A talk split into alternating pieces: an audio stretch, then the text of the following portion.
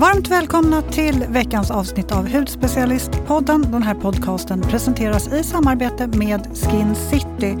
Här sitter vi, du och jag. Ja, jag försöker vakna till liv lite grann. Jasmin heter jag och du är? Sara, som Yes. vanligt. Vi kör!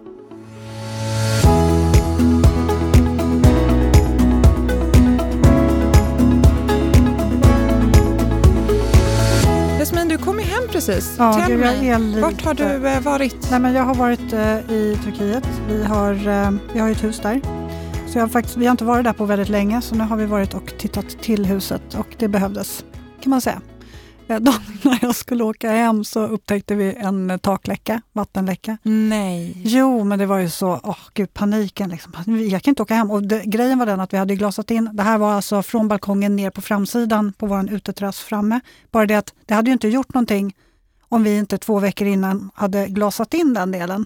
Vilket innebär att det kommer ju, det finns ju liksom ingenstans för vattnet att ta vägen, så det hade ju varit pool där om det regnar. Och det regnar ganska mycket. så det vart lite så här hektiskt och lite stressigt att försöka hitta hantverkare. Men eh, inom loppet av sex timmar så hade vi hittat två hantverkare som hade rivit bort allting, fyllt på med nytt och eh, ja, taket var helt enkelt helt fixat på sex timmar. Wow, det är Mm. imponerande. Ja, så sen kunde jag ju slappna av. Men innan var jag lätt stressad. För jag, det stod ju också så här, ja, nu ska det regna i en vecka framöver, typ dagen efter att jag skulle åka. Oj då. Men, Men då är det ordnat, då kändes det skönt att åka hem. Nu känns det, nu känns det bra. Nu är huset så fixat, iordningställt, allting är under kontroll. Så nu, nu känns det som att nu kommer det stå där. Det känns bra. Vad skönt, tills det kommer nästa gång. Ja, och då tänker jag inte göra någonting. Då tänker jag bara ligga på stranden och vila. Mm. Mm. Hur har du haft det då? Ja, men jag har också rest lite grann. Mm. Vi har varit på Mallis och vi hyrde ett hus tillsammans med några vänner. Jätte, jättemysigt. Så mysigt. Eh, Det såg helt fantastiskt ut på bilderna du la upp. Ja, men det här huset var jättehärligt, det var mysigt och vi blev lite som ett så kollektiv. Jag fixar frukost, någon får diska, någon fixar lunch. Vem fixar middagen? Inte jag. Jag, fixar, jag är så dålig på att laga mat så jag bara, jag kan göra frukost. För äggröra kan jag faktiskt göra. Ehm, och sen fick de andra fixa lite mer avancerade grejer till, till middag och sådär. Eh, vi har ett ganska spännande avsnitt idag. Vi ska nämligen prata lite om hudens bakterier. Framförallt eh, goda bakterier som huden verkligen behöver och även virus och svampar som är livsviktiga för hudhälsan. Eh, men det finns också flera faktorer som kan rubba hudens mikrobiom. Ja, och det är allt från liksom dålig kost, stress, felaktiga hudvårdsprodukter, överexfoliering. Ja, men det finns ju en del faktorer som just kan störa den här viktiga eh, organismerna som lever på din hud och tillsammans bildar ett hälsosamt eh, mikrobiom. Så att vi ska ju, jag har ju gjort ett blogginlägg om det här så ni gärna får kika in som heter Bli vän med dina goda bakterier där vi pratar och verkligen djupdyker i det här med mikrobiom och sådär. Men sen eh, tidigare i veckan så var ju vi även på besök i ett labb. Mm, Hur var, taggade var vi? ja, men det var så kul! Ja. Skinome Project. Ja, så vi hade ju möjligheten att få åka till deras labb, Mm. kika runt lite granna. Och vi hade ju även möjligheten att träffa Ulf Åkerström som har rollen som Chief Innovation Officer eh, på Skinnom Project. Han är ju ny där och vi var så taggade på att höra om ja, men vad han har gjort tidigare. Han har ju över 20 års erfarenhet i branschen. Mm. Ja, han är, han är verkligen en klippa. Han vet vad han gör, om man säger så. När jag kom dit så tänkte jag så här, okej nu får du uppföra dig, inte pilla på allting, verka vuxen. Och vi hade ju såklart jättemycket frågor och det är alltid så spännande. Man kommer ju liksom ett märke lite närmare när man verkligen får kika in i labbet. Mm. Och vi fick labbrock också, då kände jag mig riktigt viktig. Ja. Du såg, såg ut som en kemist. Eller hur? Ja. Um, så, ja, men jag tycker att vi lyssnar på vår intervju med Ulf här. Vi är ju så glada att få vara med här i labbet med dig idag. Men kan inte du berätta vem du är och vad din roll på Skin Project är? Mm, jag får väl börja och säga att jag är glad att ha er här. Det är kul att kunna ta emot besökare och träffas personligen efter pandemin som har varit. Uh, Ulf Åkerström har uh, jobbat på Skinome i snart, eller drygt en månad. Kommer tidigare från branschen, har varit och jobbat uh, på olika företag inom produktutveckling, eh, regelverksfrågor, produktion, men egentligen allt som rör hudvård och utveckling av hudvårdsprodukter eh, under snart 20 år. Så här jobbar jag med och ansvarar för produktutvecklingen, det vill säga framtagning av våra fantastiska formuleringar och produkter som vi erbjuder. Så coolt. Ja. Vi är helt starstruck här. Ja, men det är väldigt spännande. Det är, det är grejer som rör sig här, små ja, vispar och... Eh, det här är ju ett aktivt labb där vi gör produktutveckling och tar fram formuleringar, produkter. Och då är det ju ett hantverk i mångt och mycket. Du måste ju dels förstå givetvis eh, råvarorna, ingredienserna, hur de fungerar i formuleringen, hur de fungerar i huden. Men sen i slutändan så måste man ju få produkten att bli en produkt. Då använder man den här utrustningen som vi ser framför oss med eh, vågar, omrörare, eh, kraftfulla mixer, eh, stavmixrar eh, för att egentligen simulera tillverkningen och få ihop produkten. Jag brukar ofta jämföra med matlagning, att ska man göra sin sås hemma eller emulsion så är det lite samma utrustning som du behöver, eller principer för att göra produkterna som vi gör här. Vad spännande. Men hur ser då en dag ut här inne på labbet för dig? Ehm, det kan vara lite olika. Men eh, mycket är det ju att ehm, i teorin förstå vad du vill göra för produkt och vilka egenskaper den ska ha.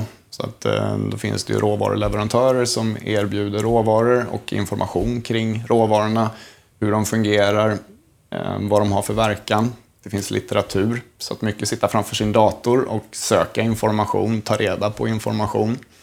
Och sen en del att eh, blanda produkterna praktiskt. Det vill säga att i erfarenhet i eh, vad du har gjort sedan tidigare, informationen du har tillgänglig, komponera produkten som ska ha den avsedda verkan och sen praktiskt testa och se att det funkar och du får det resultat du vill ha.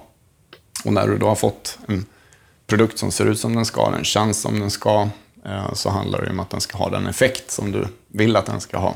Och då blir det ju att testa på dig själv, på försökspersoner, eh, andra som kan ge sina synpunkter på en Har du produkten. fått mycket reaktioner eller att det har blivit liksom, du har provat någonting och så har det blivit helt fel? Genom åren? Nej, men eh, och där handlar det ju om hur duktig du är eller hur, vilken kunskap du har och vilken erfarenhet som finns. Antingen som jag har eller som andra har eller som företaget har och som finns i litteraturen. Man vill ju aldrig hamna där att du får en reaktion eller att du får en överraskning, att någon kommer tillbaka och tycker att Nej, men oj, det här var verkligen en dålig produkt eller en produkt som inte fungerar. För då har du ju någonstans misslyckats i din utveckling. Sen kan det ju vara nyanser eller att alla personer tycker olika. Och vi tre har säkert olika preferenser på vilka produkter vi gillar och vi tycker om. Ja, det är svårt då att alla ska bli 100% nöjda. Mm. Så. Men jag tänker, Skin On Project, ni pratar ju väldigt mycket om hudens mikrobiom och sådär. Men varför är eh, men goda bakterier så viktigt för huden? Det här är ju någonting som man börjat förstå mer av i de senaste tio åren att eh, vi lever ju tillsammans med våra mikroorganismer. Och det finns ju eh, någonstans ungefär 100 miljarder bakterier på vår hud. Det är så många att det är svårt att förstå. ja, det är otroligt många. Och det finns otroligt många olika typer av bakterier på huden. Och det är klart att de här lever ju från det att du föds till vi dör, så finns ju bakterierna på din hud. Och det är klart att vi tillsammans med dem måste ju se till att vi mår bra. De kan ju påverka oss och vi kan påverka dem.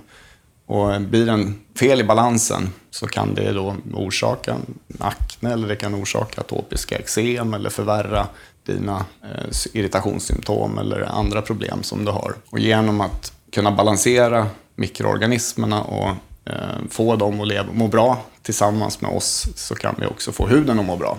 Och där har vi ju ett fält som ännu inte har utvecklats fullt ut och man inte riktigt har förståelse. Men vi är en bit på väg. Och kunna påverka och kunna få mikrobiomet att fungera tillsammans med oss på ett bra sätt.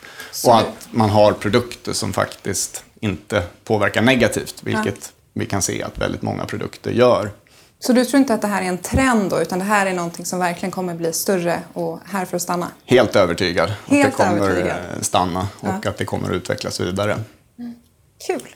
Ja, eh, apropå det då lite grann, för vad är då skillnaden på prebiotika, biotika och postbiotika då som ska främja de här goda bakterierna? Det är lite olika angreppssätt på eh, produkterna och det man har i och vad eh, det gör. Prebiotika, det är alltså någonting som gör att bakterierna mår bättre. Det kan, alltså näringsämnen helt enkelt, alltså det man oftast då sätter till produkterna som kan vara oligosackarider eller andra ämnen som hjälper dina bakterier på huden att må bra eller utvecklas. Så att man då vill få de bra bakterierna att må bättre och de sämre bakterierna att må sämre. Eller växa långsammare så att man kan balansera hur, hur ditt mikrobiom eller hur bakterierna på huden ser ut eller mår. Så kan, man, kan man säga genom... att det är lite mat för bakterierna? Mm, precis. Mm.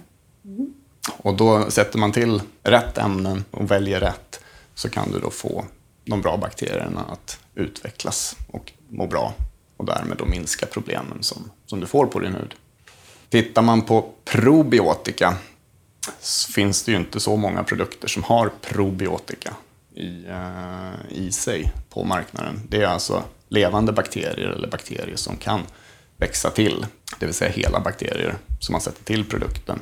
Och då är ju tanken att sätter man till det, probiotikan till produkterna, sätter dem, applicerar dem på huden, så kan du då därigenom påverka dina bakterier och hur huden mår genom att ha levande bakterier. Och då kan det får, man ha, får man ha, alltså för det är ju levande bakterier, får man ha det i kosmetiska produkter? Det finns ju alltid en diskussion kring eh, bakterier och eh, i relation till lagstiftningen. Det som gäller är ju att produkten får ju inte vara farlig för dig eller för användaren. Och sen så finns det ju krav på att produkten inte får innehålla farliga bakterier.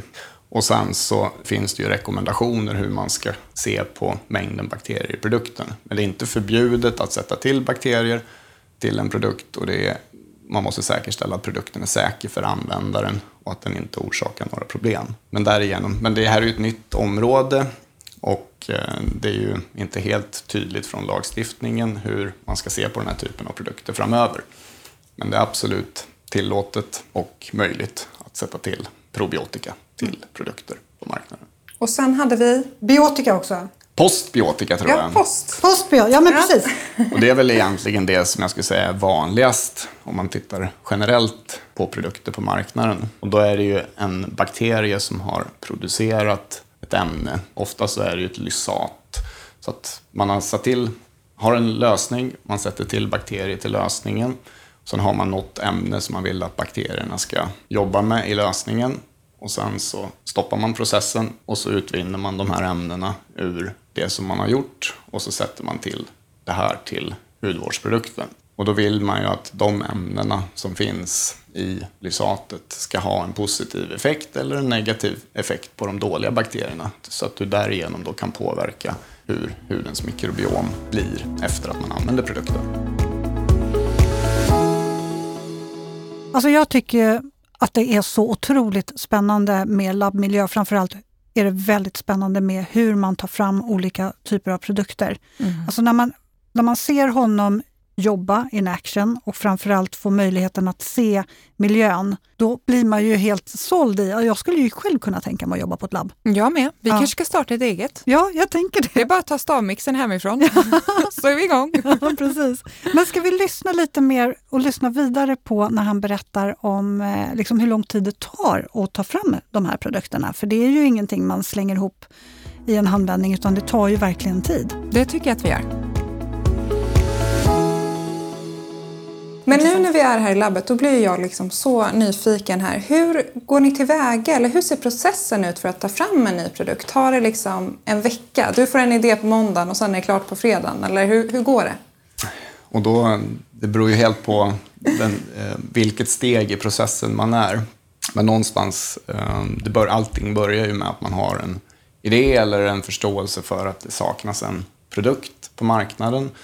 Det finns ett behov och utifrån det behovet så vill man ju då skapa en produkt som löser behovet eller löser problemet om man har ett problem. Då vill man ju i teorin ta fram, skapa en produkt som, som löser det här problemet. Då har man ju en tro att genom att göra en viss typ av produkt, säg att du har torr hy, ja men vad behöver en torr hy? Du behöver mjukgörande substanser, du behöver återfuktande ämnen, du vill att den ska vara skön att applicera, den ska kännas dryg, den ska ge en len och skön efterkänsla, den ska ha en effekt som varar hela dagen. Och sen kan man ju fortsätta vilken effekt produkten ska ha. Och när du väl har bestämt vilken effekt produkten ska ha så måste man ju välja ämnen som har den effekten. Mm. Och du vill välja vilken typ av produkt. Som i det här fallet, det vi ser framför oss, att det är en emulsion. Ja, för som... här har vi ju då, alltså, vi har som en liten burk framför oss och det ser lite ut som Vaniljvisp. Ja, jag tänkte säga det också. väldigt gott ut. Vaniljvisp. Den är lite svagt eh, gulfärgad, krämig i sin konsistens. Och det här är ju en um, produkt för, som är lämplig för mig. Ja. Uh, lite mer uh, oljig, uh, kombinationshy, oljig hy som då kanske har en benägenhet att ibland få lite akne. Du vill inte att produkten ska vara så rik det vill säga kanske håller ner fetthalten något, väljer oljor som är lite lättare, som inte är så okkluderande eller tilltäppande. Du vill ju ha mycket fukt, att huden kan fortfarande vara torr eller behöva återfuktningen. Eh, du kanske har, som jag, då, porer som lätt kan bli tilltäppta. Du vill ha någonting som då minskar snarare än ökar sebumproduktionen, talgproduktionen. Du vill ha någonting som öppnar upp porerna för att motverka att du får akne i förlängningen. Då. Och eh, allt det där innehåller den här produkten. Och då har vi ju sett att det finns ett behov av, av en sån produkt i vårt sortiment. Att det finns en efterfrågan. Man kan fortfarande ha en känslig hy eller en hy som blir lätt irriterad. Men du har en oljigare, fetare hykombinationshy. Och hur lång tid har den här tagit då från liksom första tanken till att den är på hyllan? Om man, om man grovt räknar så kan man ju säga att jag menar, inom ett år från idé till färdig produkt, grov mm. tidsplan. Sen så beroende på komplexitet, eh, vilken typ av forskning som ligger bakom att skapa en sån här produkt. Vi brukar ofta prata om att vi har tiotals år av forskning bakom vår filosofi eller bakom våra produkter. Och då bygger man ju in den kunskapen i, i den här produkten. Och sen kan det ju vara enstaka lösningar för att skapa produkten som har krävt längre tid av forskning. Råvaruleverantören har bedrivit sin forskning. Men en grov tidplan för en kosmetisk produkt.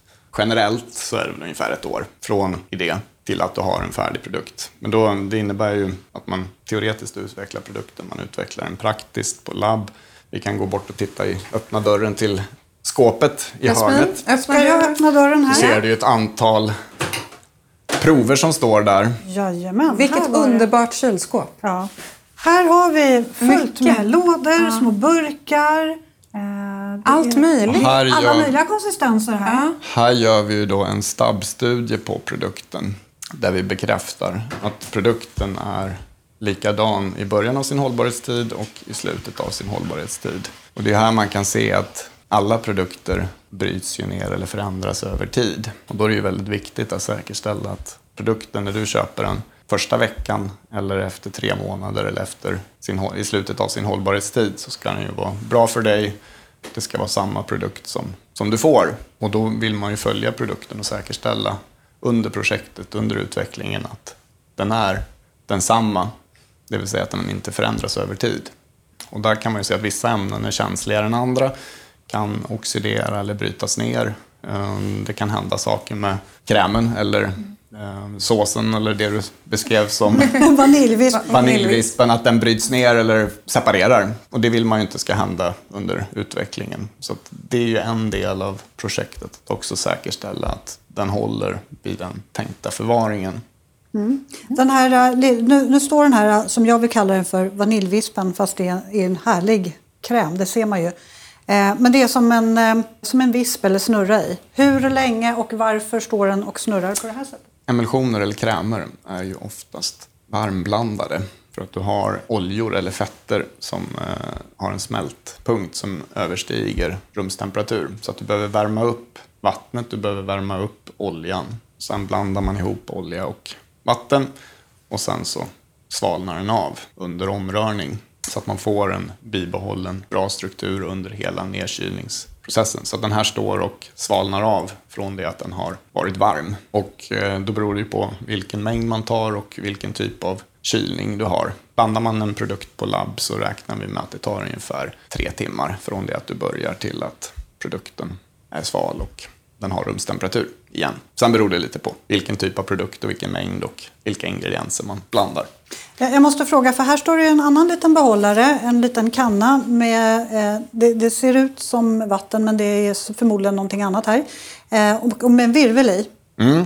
Vad är den här maskinen ja, vad, händer, vad händer här? Det här är en enkel omrörare med en så kallad magnetloppa i botten. Och eh, det är en ganska enkel form av omrörare där du vill blanda, lösa upp till exempel salter eller blanda olika ämnen i varandra. Så att det här är mycket riktigt vatten. Och sen så... Så det här är istället för att du ska slippa stå och röra runt hela dagarna? En sked, ja. Så att man får en kontrollerad omrörning, enkel omrörning. Ah. Och då har du lättflytande saker så klarar du den här magnetloppan i botten som snurrar mm. av att blanda om det. Och då får du en snabb, enkel omrörning. Och sen är det en värmeplatta som man kan värma upp till den temperatur som du behöver. Och när man har nått avsedd temperatur eller den temperatur man behöver för att processa eller göra emulsionen så kan man då blanda ihop oljan och vattnet. Skulle, vi haft, eh, skulle det här varit ett försök för att göra den produkten, då hade vi haft en likadan platta till och sen så hade vi blandat oljefas i en bägare och vatten igen. Och sen så slår man ihop det och så får man sin produkt. Det står något mer här som ser väldigt spe eh, spektakulärt ut. Vad har vi här? Det här är en kraftfull stavmixer. Och, eh, Får köpa hem en sån här Jasmin. då ser man det som ligger på bänken där borta. Ah. Som egentligen är själva mixerhuvudet. Och det här är en motor som gör att mixerhuvudet snurrar runt. Och då får man eh, oljan och finfördela sig i vattnet så att det bildas små, små oljedroppar. Och när det bildas små, små oljedroppar i vattnet, som då är den yttre fasen som man känner i krämen, så får du en emulsion. Så det är egentligen verktyget eller utrustningen för att göra själva krämen. Jag förstår. Nu, nu är vi Men vi ska också... inte slå igång den, nej, för den låter väldigt mycket. Ah, okay. ja. vi, låter den vi får kolla in på Instagram så lägger vi upp allt här. Ja. Vi, vi tar en liten film härifrån. Absolut. Jag är lite nyfiken på vad, vad använder du för produkter själv? Eh, jag har en ganska enkel eh, hudvårdsrutin. Och pratar man om rengöring så eh, börjar på morgonen så är det bara vatten. Då tycker jag att när, på natten så har jag inte utsatts för något annat än kudden. Och då blir det att fräscha upp hyn och sätta bort det mest vitala. Sen så antingen så lämnar jag det där på vintern så blir jag lite torrare på kinder och då kan jag behöva smörja in även på eh, morgonen. Och då är det den produkten som är nu, numera är min favorit. Mm. En variant av den. Ah, och vad heter den? Är det den nya? Det är den nya. Light. Yes. Ah. Light Emulsion som kommer här nu. Mm. Och den passar min hy väldigt, väldigt bra. Så det har blivit min favorit. Men annars är det, innan jag jobbat här, så har det varit en vanlig fuktkräm eller mjukgörande med lite lättare konsistens. Sen ingen makeup eller någonting annat som eh, används. Mm. Kvällen så blir det då med någon form av rengöring. Och i vårt sortiment så är det Mineral Cleanser som jag har tyckt passar mig bäst. Annars så är det väl en enklare tvål eller en emulsionsbaserad rengöring. Och sen eh, samma kräm, alltså en lättare fukt, mjukgörande kräm efter det. Men eh, egentligen ingenting mer då.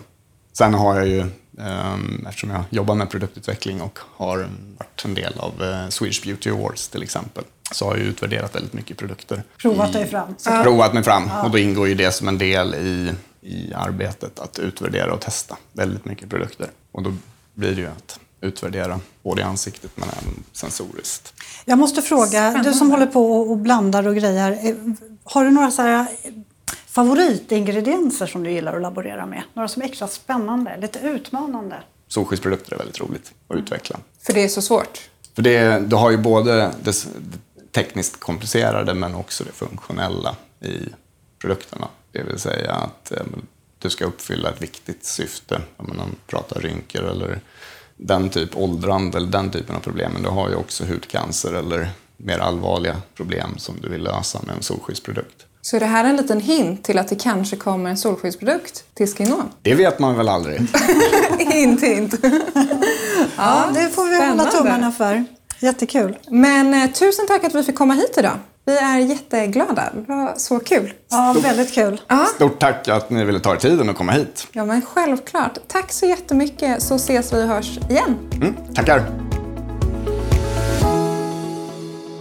Ja, men hur känner du nu då, Sara? Ska vi bli eh, kemister? Ja, ja, det ska vi. Ja, jag tycker det var superspännande. Och det där kylskåpet, när man kikade in i det. Alltså, med det var- alla proverna. Ja, tänk hur många bakterier som ligger där inne. Bakterier. Hur många goda bakterier. Ja, men precis. Nej, det var väldigt, väldigt kul att Ja. eh, få vara i ett riktigt labb. Och, eh, ja. Ja, men att se alla de här provburkarna i olika konsistenser och olika Jag såg ibland att du ville vrida på lite saker, men Ja. du fick hålla det tillbaks. Ja, men jag var ju jätte... Jag kände verkligen hur det kliade i fingrarna. Ja. Men det var tur att jag, att jag höll i dem. Eh, nej, men superspännande. Mm. Och han pratar ju, Ulf pratar ju om Light Emulsion som en produkt som han verkligen gillar. Det är ju faktiskt en nyhet som lanserades i veckan, igår. Så den här är ju superduper färsk. Ja, det var ju den som var vaniljvispen som vi pratade om. Så vi Exakt. såg den ju verkligen live, tillverkningen där. Det är så coolt. Och det här är ju då en lättare, en gelkräm som bland annat har den här postbiotikan som Ulf pratade om eh, för att efterlikna och skydda den här hudbarriären. Och eftersom det är en gelkräm så är en lite lättare konsistens, passar perfekt för en blandhy, en fet hud eh, eller om man bara vill ha en lite lättare dagkräm. Och den här ska självklart förvaras i kylen. Sen såg vi en till eh, nyhet som inte har lanserats, så det här hörni får vi hålla lite tyst om. Det är en hemlis. Ja, men eh, det är en rengöring som är på ingång. Och den är ju eh, lite mildare, så för en ännu mer känslig hy som har väldigt lugnande effekt. Ja. Så det ser vi fram emot. Ja, Sensitive Cleanser, längtar till den lanseras. Sen var det lite kul också att, att eh, man blev ju lite pepp eftersom han nämnde det här med, med solskydd. De kanske har ett solskydd på gång längre fram, det vet man ju inte. Ja, jag tror aldrig det har varit så mycket hint, hint i samma mening. Nej gud, det får vi ju verkligen hoppas. Ja. Ja. Håll i tummarna, Ulf fixar det här nu. Ja, vi hoppas ju på det. Nej, men otroligt roligt eh, att få besöka ett labb. Jättekul och intressant alltid att lära sig mer om eh, bakterier såklart. Hur Kan inte ni mejla oss också, ni lyssnare? Eh, tycker ni det här var kul, att vi är lite på fältet och är lite flygande reportrar? Vi såg faktiskt lite sådana ut. Ja. Mm. Men det var veckans avsnitt. Ja, det var det. Och eh, mejla oss som vanligt på podd.hudspecialisten.se. Ni hittar oss såklart också på bloggen hudspecialisten.se och på Instagram. Så, Kunde inte sagt det, sagt det bättre. så önskar vi trevlig helg nu va? Ja, ha det så bra.